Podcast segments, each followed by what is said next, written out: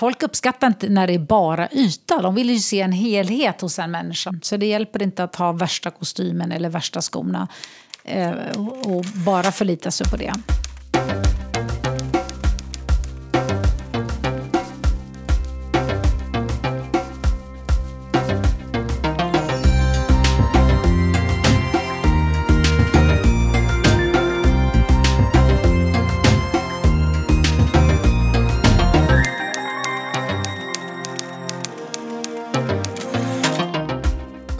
Välkomna ska ni vara till 985-podden som är Tamarkivs podd. Den här gången har eh, vår medarbetare eh, Lars Karlén intervjuat modevetaren Paula von Wachenfeldt eh, som är docent i eh, eh, modevetenskap vid Stockholms universitet. Och eh, jag tänkte börja med att eh, eh fråga dig Lars, Eh, Eh, hur kom du på idén att intervjua Paula och vad har det att göra med TAM-arkivs, alltså TCO och Sacos arkivs verksamhet? Jo, eftersom det här med kläderna på kontoret är ju någonting som faktiskt berör alla som jobbar på kontor så tänkte jag att ja, men det här är ju spännande att dyka ner i. Och att eh, att idén dök upp, det var faktiskt när jag började jobba här, så något som jag verkligen reagerade på, det var att på väggarna här på Tamarkiv så finns det jättefina inramade bilder. Dels så är det rekryteringsaffischer för olika fackförbund, alltså när de rekryterade medlemmar och så här, historiska sådana bilder. Och sen så finns det också historiska bilder från olika kontorsmiljöer där man ser ja, människor i de här miljöerna också. Och på båda de här typerna av bilderna så ser man ju att eh, människor förr på kontor var ju klädda på ett helt annorlunda sätt än om man tittar på hur du och jag är klädda idag. Vi är ju ledigt klädda i byxor och eh, tröja idag. Men förr så var ju folk mer uppklädda på kontoren. Så det skulle jag vilja höra mer om. Och sen så var jag också nyfiken, och det har jag funderat på i flera år, om, om jag ändrade min egen klädstil, eh, om det skulle kunna påverka hur min arbetsinsats uppfattas. Eh, det skulle jag vilja mm, få mer information om. Så det var, det var de två sakerna som jag ville höra ifrån eh, henne. Ja, men då, eh, det låter som en väldigt intressant och, och givande intervju. Ja, det var jätteintressant och lärorikt. Och just det här med den här historiska tillbakablicken hur eh, kläderna på kontoret och i arbetsmiljöer har eh, förändrats och påverkat människor genom tiderna. Det, ja, det var, jag tycker jag lärde mig en, en massa, så det tror jag att man kommer göra när man lyssnar på det här avsnittet. Men då får vi väl eh, eh, lyssna på ditt samtal då. Ja, och det första som jag frågade henne det var vad hon tyckte om kläderna som jag hade på mig just den dagen. Och den dagen så hade jag tagit på mig kostym, slips och eh, skjorta och ja, traditionella skor också, herrskor. Ja, men vi får höra på det. Det får vi göra.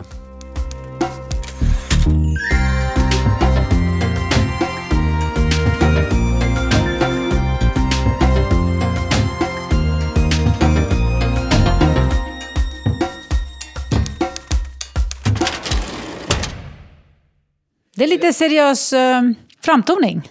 Men samtidigt så är du väldigt glad i slipsen. Så det blir dels den här seriositeten, eller den här allvarsamma sidan som kostymen har.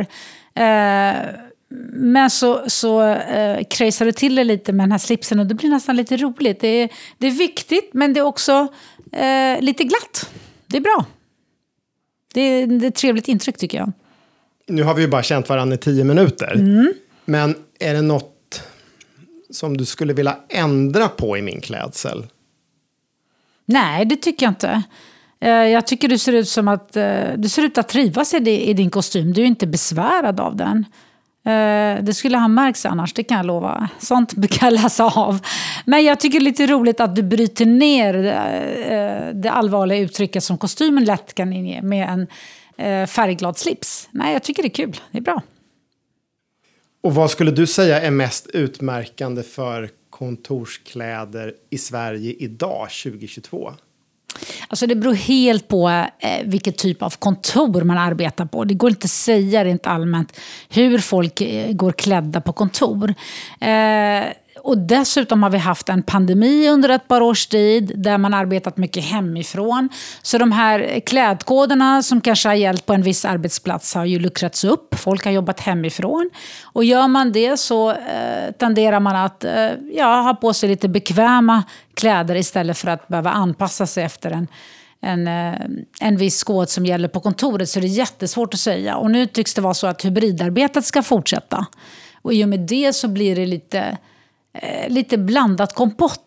Men rent allmänt, så när man tittar på modetrenderna, så ser man ju att eh, F-leisure-kläder som det heter, alltså sådana kläder som man har både eh, på daglig basis och när man tränar, att de har ju fått jätteuppsving. Eh, och det, det, visar också hur modet reflekterar det som händer på den sociala arenan. Vi har ju varit instängda, stora delar av världen har varit totalt eh, instängda i, i, hemma. Så då blir det att man vill ha skönare kläder. Och då, eh, då blir det så att modet anpassar sig efter det och också plockar upp det som händer på, i samhället. Och då blir det att den här typen av klädsel blir väldigt eh, dominerande. Det har ju pågått några år nu, eh, den här typen av fritidskläder. Eh, så det är ingenting nytt egentligen. Det är bara det att i och med pandemin så har det blivit ännu större efterfrågan på, på den här typen av, eh, på den här stilen så att säga. Men är det väldigt olika i olika länder?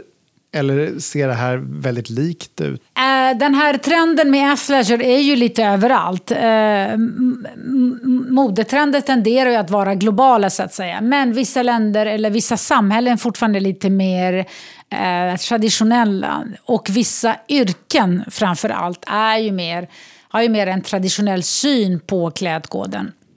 Tittar man till exempel på bankvärlden, där har man ju gärna kostym på sig. Och det handlar om att man, banken är, eh, säljer någonting till konsumenterna. De ska ta hand om deras pengar och då måste man inge förtroende för konsumenten. Så kostymen blir ju ett sätt att förmedla eh, det här viktiga uppdraget man har så att man ska få det här förtroendet från konsumenten. Jag ska förvalta dina pengar väl. Så att kostymen har ju speglat eh, den här seriösa inställningen till pengar och det bottnar ju i 1800-tals eh, borgerliga ideal om arbete, nytta, pengar. Det är de här tre ledorden som, eh, som skulle liksom förmedla synen på det borgerliga uppdraget. Och nu pratar vi om män förstås i det här eh, sammanhanget. Det är ju mannen som ska arbeta och tjäna pengar. Och det, så det är den här liksom strävan efter att, att eh, förmedla respekt för det uppdraget man har och att man eh, faktiskt arbetar hårt för att åstadkomma någonting. Finns det någon bransch där klädstilen har blivit mer ja, strikt nu på senare år än vad det har varit tidigare? Jag kan inte komma på någon bransch som... Nej, faktiskt inte. Nej, men det handlar ju också om en viss klädkod som gäller på en viss eh, yta, på en viss arbetsplats, inom en viss yrkesgrupp. Och ofta så, så smittar det av sig, vare sig man vill eller inte. Att tillhör man ju en viss kategori av eh, Eh, en viss yrkeskategori, då anpassar man sig eh, efter det som gäller på kontoret. Jag menar, det blir väldigt märkligt, till exempel i mitt fall, eh, det skulle vara högst opassande om jag gick in och föreläste en bikini. Det blir väldigt märkligt. Jag menar, klädseln ska kyla kroppen. Men inte bara, de ska förmedla någonting också såklart. Och det blir ju märkligt för då blir det fokus på andra delar av kroppen istället för det jag har att kommunicera och den kunskapen jag vill förmedla till mina studenter.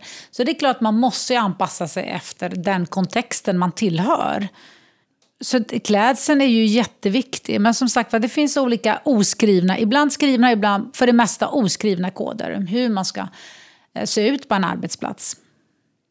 Om man jämför då, för att eh, hur jag kom in på, på hela det här mm. ämnet var ju att eh, jag såg de här fina bilderna som finns på Tammarkiv från mm. olika tidsepoker. Och då tänkte jag, så här, om man jämför hur människor generellt sett klär sig på kontor idag, 2022 Mm. och 1982. Vad, vad skulle du säga är de stora skillnaderna där? Ja, men då är det modet igen. 82, 80-talet var ju lite galet. Man skulle ha stora smycken, stort hår. Axelvaddarna kommer in. Det är då Armani-kostymen kommer in. Och männen ska ha den här eh, liksom breda axlarna, även kvinnorna. Och det gäller både breda axlar skulle man ha i kostymen, också i vanliga kläder. Så att det var ju väldigt eh, synligt mode, eh, och galna färger. Det var liksom väldigt extravagant, överdrivet mode. Och det är klart att det kommer in på kontor också. Eh, så det är en stor skillnad. Idag, är, visserligen är färgerna tillbaka tydliga nu eh, inför hösten. Men det är fortfarande mycket mer nedtonat jämfört med 80-talet. Eh, så det är klart att det är en stor skillnad. Det ser man ju. Jag, menar, jag vet inte vad ni har för typ av, av bilder där på kontoret. Men man ser ju på håret, man ser ju till och med på... Ja, men, eh, eh, accessoarerna är ju jätteintressanta för de visar ju väldigt mycket den, eh, den gällande trenden och vilken, eh, liksom, vilket århundrade. Och vilken, det är ju otroligt intressant. Så accessoarerna är viktiga. Och då menar jag allt. Örhängen, ringar, eh, håret, till och med håruppsättningen. Så det är väldigt, 80-talet är ju väldigt unikt på det sättet att det var, allting var så otroligt stort och fluffigt eh, Och krulligt och allting. Ja, Om man hoppar tillbaka några årtionden till då, till Mm. 1952.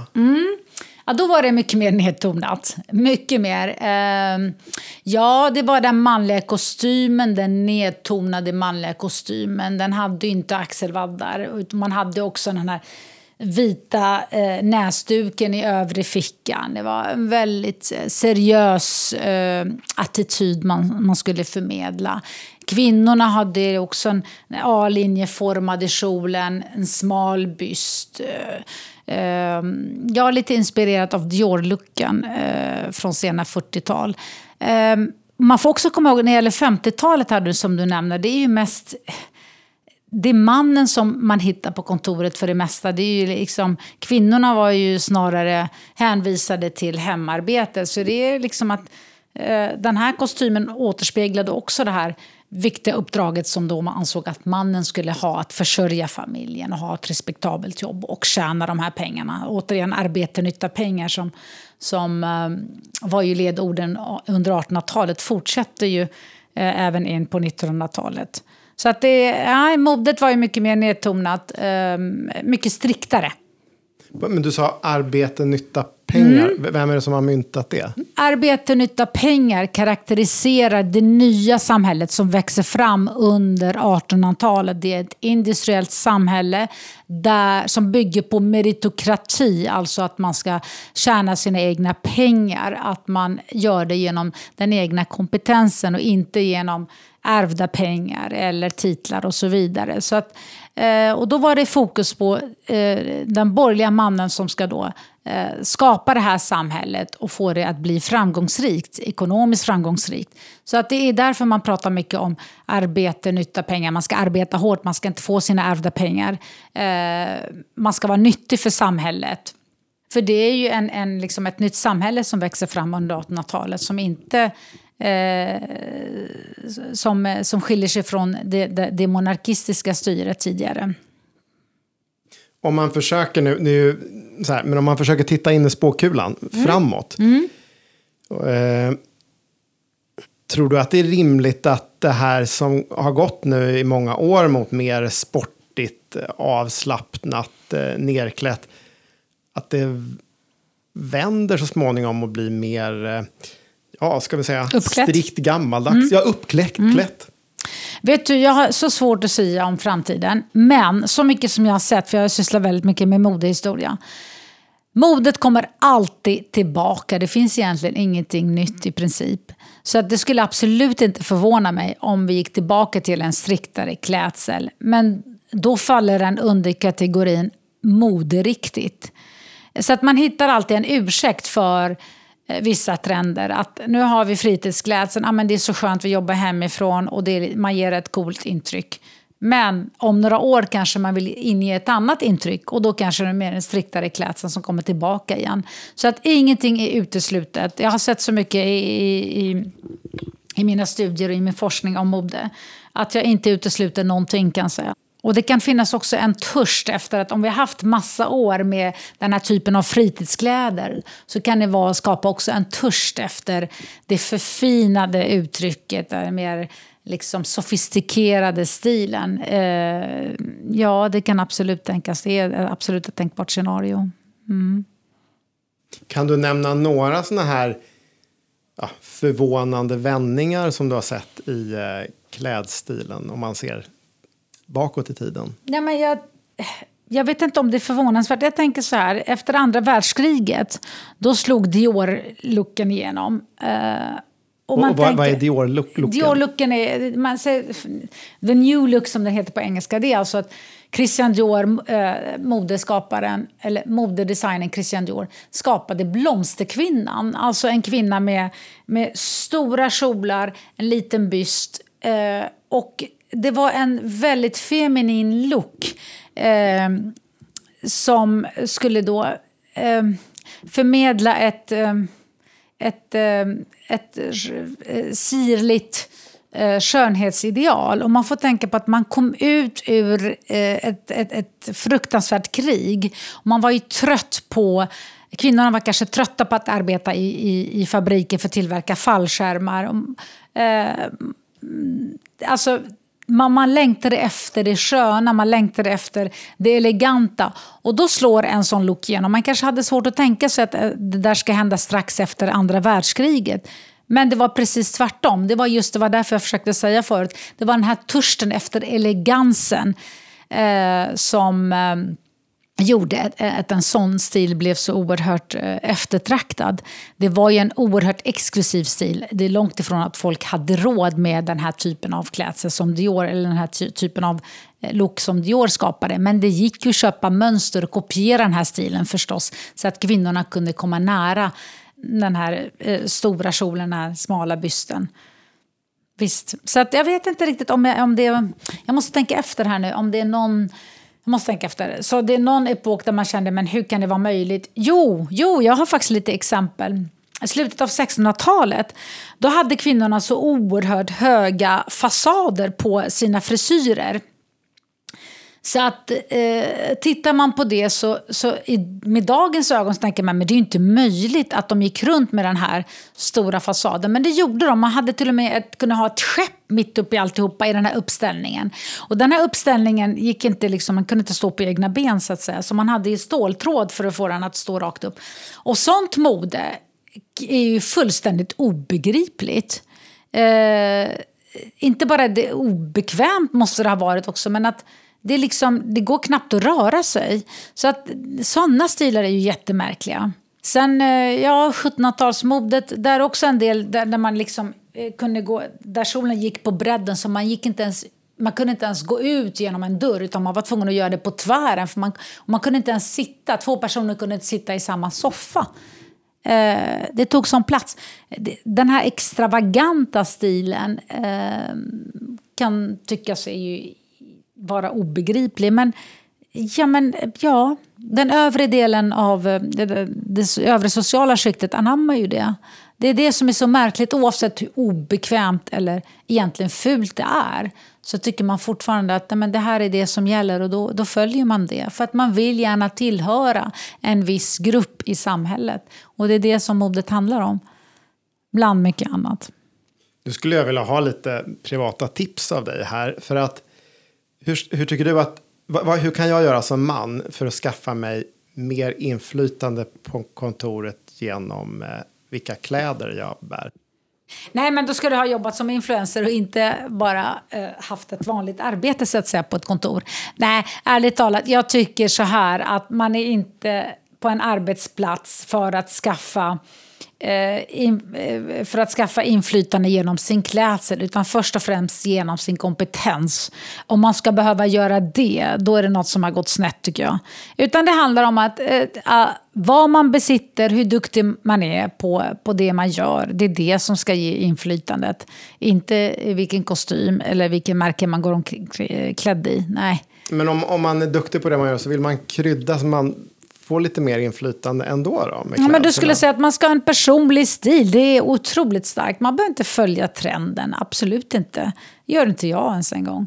Utan man ska ha ett personligt intryck. Och det är det som är oerhört intressant hos människor. Att man, att man lyckas förmedla någonting. Det liksom handlar inte bara vet du, det handlar inte bara om vad man har på sig. Det handlar också om hur man beter sig. Jag brukar prata om apparensen eh, väldigt ofta. För jag och vad tycker, är det då? Apparensen är en kombination av hur du uppför dig, eh, hur du ser ut, hur du rör dig, hur du talar. Det är liksom helheten, totaliteten hos en människa som är det mest intressanta. Jo, det finns människor som eh, köper på sig massa lyxmärken och tror att de ska bli framgångsrika eller uppfattas som framgångsrika på grund av det och på så vis skapa inflytande. Men det är ju totalt irrelevant, alltså vilket märke de har på sig. Det handlar om hur allt annat övrigt som de gör, alltså hur de kommunicera med sin omgivning, hur de uppför sig, hur de beter sig, hur de, hur de talar, eh, deras kompetens. Det är ju allt detta tillsammans som skapar en människas apparens. Och den klädseln då som hör ihop med hela det här intrycket. Men att bara smacka på sig eller att bara ha på sig saker för att man ska eh, inge ett visst intryck, det är ju inte autentiskt och det är ju för det mesta ganska synligt. Det är ju inte intressant ens en gång. Det finns ingen, finns ingen personlighet bakom och det är totalt ointressant.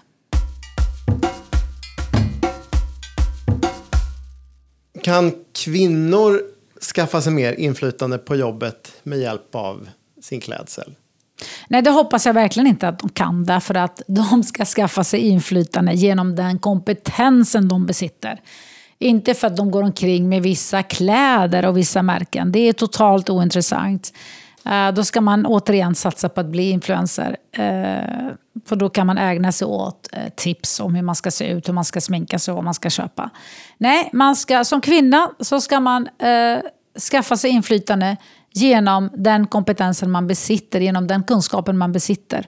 Och ingenting annat. Sen hur man väljer att klä sig, det är återigen beroende på vilken Eh, eh, yrkeskategori man tillhör. Jag tror att för det mesta så brukar folk anpassa sig efter den miljön de befinner sig i. Sen kan man ju eh, vilja sticka ut lite, ja men visst det gör man. Men så länge det finns eh, liksom en, en, vad ska jag säga, en kompetens bakom och ett intresse för det arbetet man utför. Eh, och kombinationen av klädsel och den här kompetensen och eh, strävan efter att göra ett bra jobb, eh, det är det, är det mest relevanta. Det är, liksom, klädseln kan inte ses avskilt, utan den tillhör ju ett sammanhang, den tillför någonting. Men den är ju inte avgörande för någonting. Det är därför vi ofta studerar klädsel i anslutning till någonting annat i samhället. För att en klädsel som bara ska betraktas som den är, då kan man titta på hur den är sydd, eh, sömnadsteknik, eh, färg färg, sånt där. Men det är inte det vi gör i modevetenskap, utan här tittar vi på allt annat som omger den här klädseln. Eh, och det är det som gör att det blir så otroligt dynamiskt och intressant. För den ger oss inblick i det samhället som har skapat den här klädseln. Men det är också en strävan efter, det är ett, ett sätt att drömma sig bort. Man får inte glömma det. Jag brukar säga det till mina studenter att det handlar, alltså, det är någon slags fiktion, att man drömmer sig in i en värld. Den ger oss en skön tillflykt och det ska vi inte förakta, för det behöver vi. Det får vi genom konst och litteratur, men det får vi också genom klädseln. Så den är viktig för att tillfredsställa ens egna behov, ens egna drömmar. Uh, ja. Men har du något plagg eller några plagg som om du ska göra någon, någon viktig grej och så vet att ah, men, åh, jag gillar den här tröjan eller byxorna eller mm. vad det är. Som du känner tar på mig det så, ja, det, jag, det, jag, mm, det känns så skönt då. Det, Mm, absolut, i allra högsta grad. Och det är det jag hoppas att, jag har ju skrivit mycket om det här nu, att hur man interagerar med sina sinnen. Och det är ett sätt för mig att få folk att förstå att man ska vara rädd om sina plagg. Det är, det, det är därför vi har hållbarhetsproblem bland annat. Att vi inte är, vi har inte skapat en relation till våra klädsel, eller till våra kläder. Det är det jag vill att folk ska göra, man ska bygga ett förhållande till det här plagget som är det närmaste kroppen man kan komma om du tänker efter, eller hur? Så att jag har absolut eh, ett, eh, en relation till, till allt jag har i min garderob. Eh, jag kan känna mig eh, på ett visst sätt om jag har på mig vissa saker, om jag har på mig högklackat. Ja, men då känner jag att nej, men nu ska jag förmedla någonting som är viktigt, ni ska lyssna på mig. Jag har en viktig kunskap som jag vill dela med mig här. Så att bara för att ge ett exempel. Och jag tycker att, eller jag hoppas att de flesta människor ska förstå att om man bygger upp en relation till, till eh, plagget så, så, så kan man lättare vara rädd om det. Eh, man kan ha det under en mycket längre tid än vad vi har idag. Så att förstå dess värde också handlar om att förstå den människan som bär det plagget och också eh, få insikt i att man kan inte bara slänga saker för att jag har råd att förnya min garderob. Eh, och det är alltid någon som kan tillverka nya saker. Utan det är det vi måste komma bort ifrån. Utan försöka snarare att vara rädda om det vi har. Man hade ju sina saker eh, längre och, och, slet på dem och lagade och mm. ja, i varje fall längre tillbaka och lappade och lagade. Mm. Men är det någonting när vi konsumerar och skaffar eh, kläder som vi kan lära oss från om vi sneglar bakåt lite ja, i tiden? Absolut, det är det vi behöver göra nu. Det är det vi måste förstå att det handlar inte om slit och släng. Eh, den tiden du syftar på före 50-talet, det var ju inte, massmodet hade inte slagit igenom ännu. Och då var man ju liksom eh, tvungen att eh, lappa och laga och det gick i generationer och man kunde kombinera med andra plagg. Och, och eh, sjalar kunde göras om till en, en byst eller till klänningar eller, vad som, eller till kjol eller vad som helst. Så man tog tillvara på eh, textilierna, man tog tillvara på plaggen och det är det som är så helt fantastiskt. Det gjorde man även tidigare, även hovklädseln på 1700-1800-talet. Den eh, syddes om också. Det är många som inte känner till det, men det var inte så att man bara producerade nytt. Man kunde ta eh, gamla dräkter och göra om dem. Och det är precis det vi behöver lära oss idag. Men vi har ju tappat den här relationen till de kläderna vi har omkring oss. För vi tror att vi köper nytt för det är så billigt när man går till i vissa affärer. Och då slänger vi dem.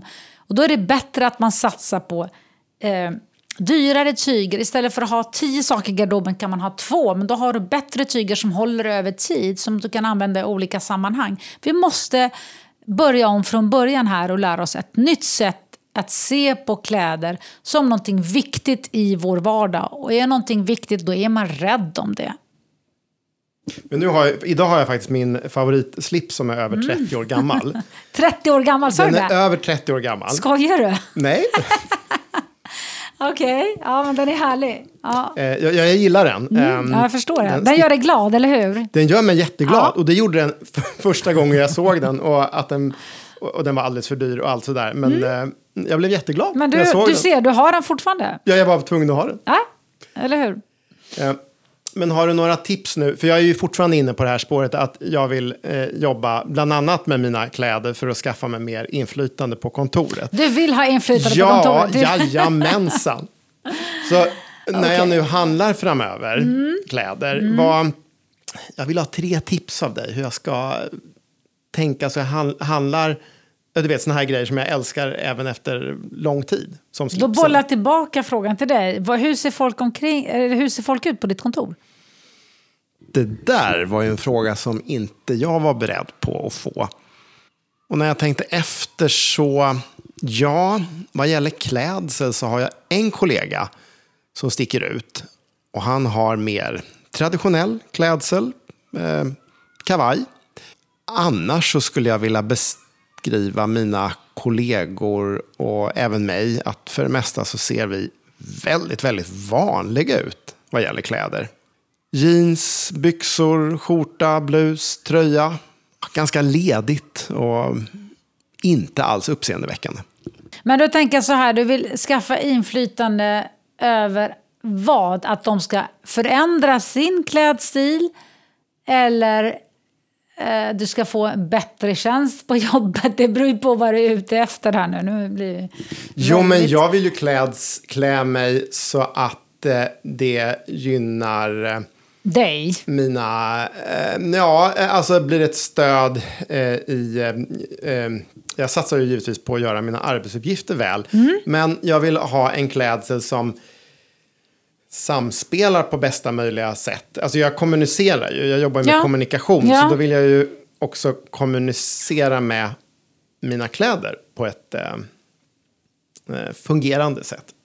Ja, men fungerande är ju allt och ingenting egentligen. Ja, men jag vill ju påverka Ja. andra människor att eh, eh, tycka att det jag säger och gör är bra. Eh, jag tänker så här att du vill kanske att de ska uppmärksamma att du har eh, fallenhet för estetik. Ja, Är det så? ja. Ja, men då kanske jag skulle säga att du kan fortsätta med kostym men du skulle också kunna kombinera eh, olika klädesplagg med varandra men som fort, uppfattas fortfarande som elegant. Jag tror att du vill förmedla, om jag förstått det rätt nu, elegans med kunskap ja, men det är väl en bra kombination. Ja, det är väl en trevlig kombination. Ja. Eh, men då skulle jag säga att eh, du behöver inte bara ha kostym. Kostymer betyder, alltså det finns massa andra plagg som eh, eh, förmedlar elegans utan att de är, eh, behöver vara kostym. Uh, nej men, eh, exakt vad du ska på dig. Eh, snygga skjortor. Går, vet du, jeans är faktiskt mitt favoritplagg. Men det beror ju på hur du kombinerar det med. Om du kombinerar jeans med, ett väldigt, med en väldigt snygg tröja eller en snygg skjorta. Då liksom, du tonar ner eh, det allvarliga men samtidigt så det handlar om bohem stilen som jag är personligen väldigt förtjust i. Nu kommer här mina personliga preferenser.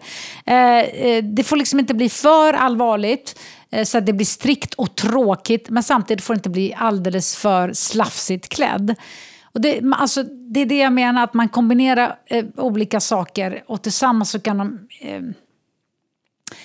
ge ett eh, elegant men avslappnat intryck. Jag skulle säga så här, först och främst, jobba inte på för mycket med det. För det finns inget värre än folk som har överdrivit sin klädsel för att de ska få uppmärksamhet. Ser, Kan jag bli patetisk då? Då blir det helt patetiskt och det är lätt att läsa av. Det skulle jag inte rekommendera.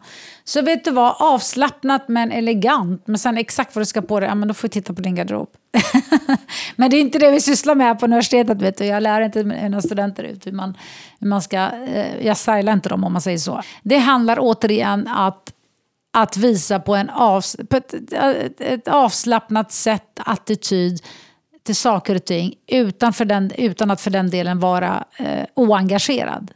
Förstår du? Så att du ska vara engagerad, men du ska, lite som Dandy typ på 1800-talet som slog in i början av 1800-talet eh, i London och sen så, eh, så gick det här mordet vidare till eh, Frankrike och till Sverige och överallt.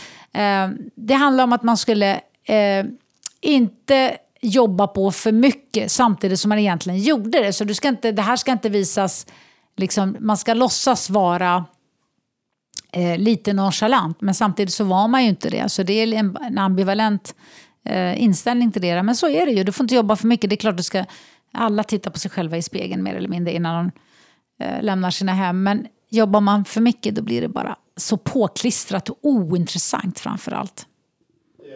Nu Får se om jag förstod det då. Att jag kan ha kostym ibland. Eh, men jag kan även ha liksom, lite kombinationer där jag till exempel har jeans men med en väldigt snygg, Snygg skjorta tröja. till. Eller en tröja. Ja.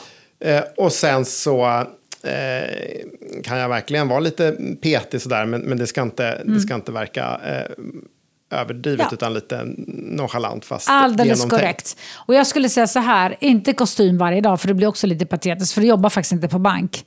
Nej. Så jag skulle skippa kostymen varje dag. Jag skulle variera lite. Mm. Och sen eh, återigen, hela din apparens kommer avslöja dig. Så att det är liksom en kombination när du talar med folk, eh, hur du liksom rör dig, eh, hur, hur, hur du ser ut, hur, hur du talar, hur du uppför dig. Allt det här räknas ju in.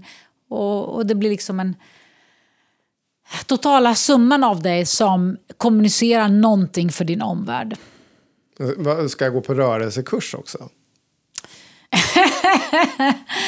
Uh, ja men alltså det är klart, du ska inte gå... Nej, det säger jag inte heller, det var lite roligt där. Nej men det, du ska liksom inte uh, se ut som Hulken eller du ska förstå vad jag menar, det var lite kul. ja, sådana kurser har vi faktiskt inte här på universitetet. Förstår du, det handlar om hur du för dig och uppför dig. Är du med? Det handlar om att liksom, sättet hur du närmar dig folk. Förstår du? Alltså, jag har ju sett så mycket att man tycker att man är så himla snygg för att man har ju eh, fullt med märkeskläder. Så kan man inte ens närma sig andra människor. Det är ju så patetiskt. Det blir ju liksom, lyxmärkena kommer inte att ge dig någon eh, eh, en, en intressant personlighet. Den kommer bara ge dig en låtsaspondus. Men inte det här genuina intrycket som eh, folk uppskattar mest. Det är ju inte det här liksom, eh, folk uppskattar inte när det är bara yta. De vill ju se en helhet hos en människa. Så det hjälper inte att ha värsta kostymen eller värsta skorna eh, och bara förlita sig på det. Är just det här att känna sig väl till mods, är det, ja. är det det som är själva Absolut, poängen. man vill känna sig på olika sätt. Alltså, vissa dagar om man har på sig någonting så känns det ännu dystrare därför att man egentligen har ju anledning att må dåligt och så har man på sig just det där och så blir det liksom, då läggs det på och då mår man ännu sämre. Men eh, alla är ju inte medvetna om det och det är det jag önskar att folk kunde liksom jag önskar att jag kunde väcka den här medvetandet till liv och säga tänk efter. Blir du gladare om du byter ut det här, sätter på dig något som du trivs i, som du är mer bekväm i? Ja, då tror jag att det blir faktiskt lite lättare. Om man jämför 50-talet idag och jobbar på kontor, skulle du säga att det är lättare eller svårare att klä sig idag än vad det var då? Nej, jag skulle säga att det är lättare idag därför att man klär sig så himla olika. Som sagt var, eh, eh, Klädkoden var ju striktare på 50-talet. Det var ju ett eh, striktare samhälle överlag. Eh, och det var ju en stor skillnad mellan män och kvinnor. Och, och, eh, det var ju männen som dominerade arbetsplatsen och så vidare. Så att idag är det ju mycket, absolut mycket mer eh, mycket slappare stil. Om du hade en sån här fungerande trollstav mm. så kunde du trolla fram eh, tio år fram i tiden kring kontorsklädsel. Vad, vad skulle du drömma om? Vad skulle du bli glad om du såg där när du har trollat? Oj, jag har inte ens kunnat föreställa mig att jag skulle ha en eh, trollstav. Vilken härlig tanke. Eh, hur jag skulle vilja att folk eh, såg ut som, eller vadå, alltså vad de hade på sig. Nej, men jag önskar en större medvetenhet hos folk. Eh, eh, ja, men alltså större alla behöver, vara, alla behöver inte vara intresserade av kläder på något sätt, det är inte det jag säger. Men alla behöver ändå eh, respektera sin omgivning och eh, förstå att man kan inte se ut som en eh, hej, kom och hjälp mig till, till, till jobbet. Alltså en liten ansträngning eh, skulle jag faktiskt önska. Ehm, ja, som ett uttryck för respekt för andra medmänniskor. Ehm, men jag säger absolut inte att man, ska vara, att man ska vara strikt. Jag är inte strikt i min klädsel på något sätt. Det är inte det jag är ute efter. Utan det enda jag säger är att eh, klädseln är ju någonting som vi kommunicerar i alla sammanhang. Och därmed tycker jag att man har ett visst ansvar för sina medmänniskor. Man behöver inte liksom, beroende på det tillfället man befinner sig i eller den, arbetska, eller den yrkeskategori man tillhör så får man faktiskt anstränga sig lite extra och liksom Ja, och inte bara klä ner sig totalt. Det blir ju lite tråkigt. Att man tänker att jag ska till ett kontor, jag ska träffa andra människor här. Det vore väl trevligt om, om i alla fall var nyduschad och ja, lite, lite ren och proper. Så. Mm. Vet du, det är intressant det här med proper. På 1600-talet så pratade man om att, att man ska vara proper. Och, och det handlar inte bara om, om stilen, det handlar också om att man ska ge... Man ska inge det här eh, liksom, eh, stiliga eh, intrycket. Man ska anstränga sig lite och det är det man menade med proper. För proper, proper på franska betyder ren. Men renlighet på 1600-talet betydde liksom så mycket annat än bara att man ska ha liksom, eh, bara inte lukta illa. Man ska också ha, föra sig rätt och, och man ska ha en, en ren stil Eh, så att man ska kunna socialisera. Och det är lite det jag är ute efter. Eh, mm, lite mer proper stil som inte är tråkig såklart. Eh, eh, ja, som också får, som man får eh, leka lite med också. Jag gillar att vara lite subversiv ibland också. Det är jättekul. Men det är ja, lite större medvetenhet om vad man har på sig, hur det kan påverka ens omgivning och hur det kan påverka en själv också. Det är det jag skulle vilja önska.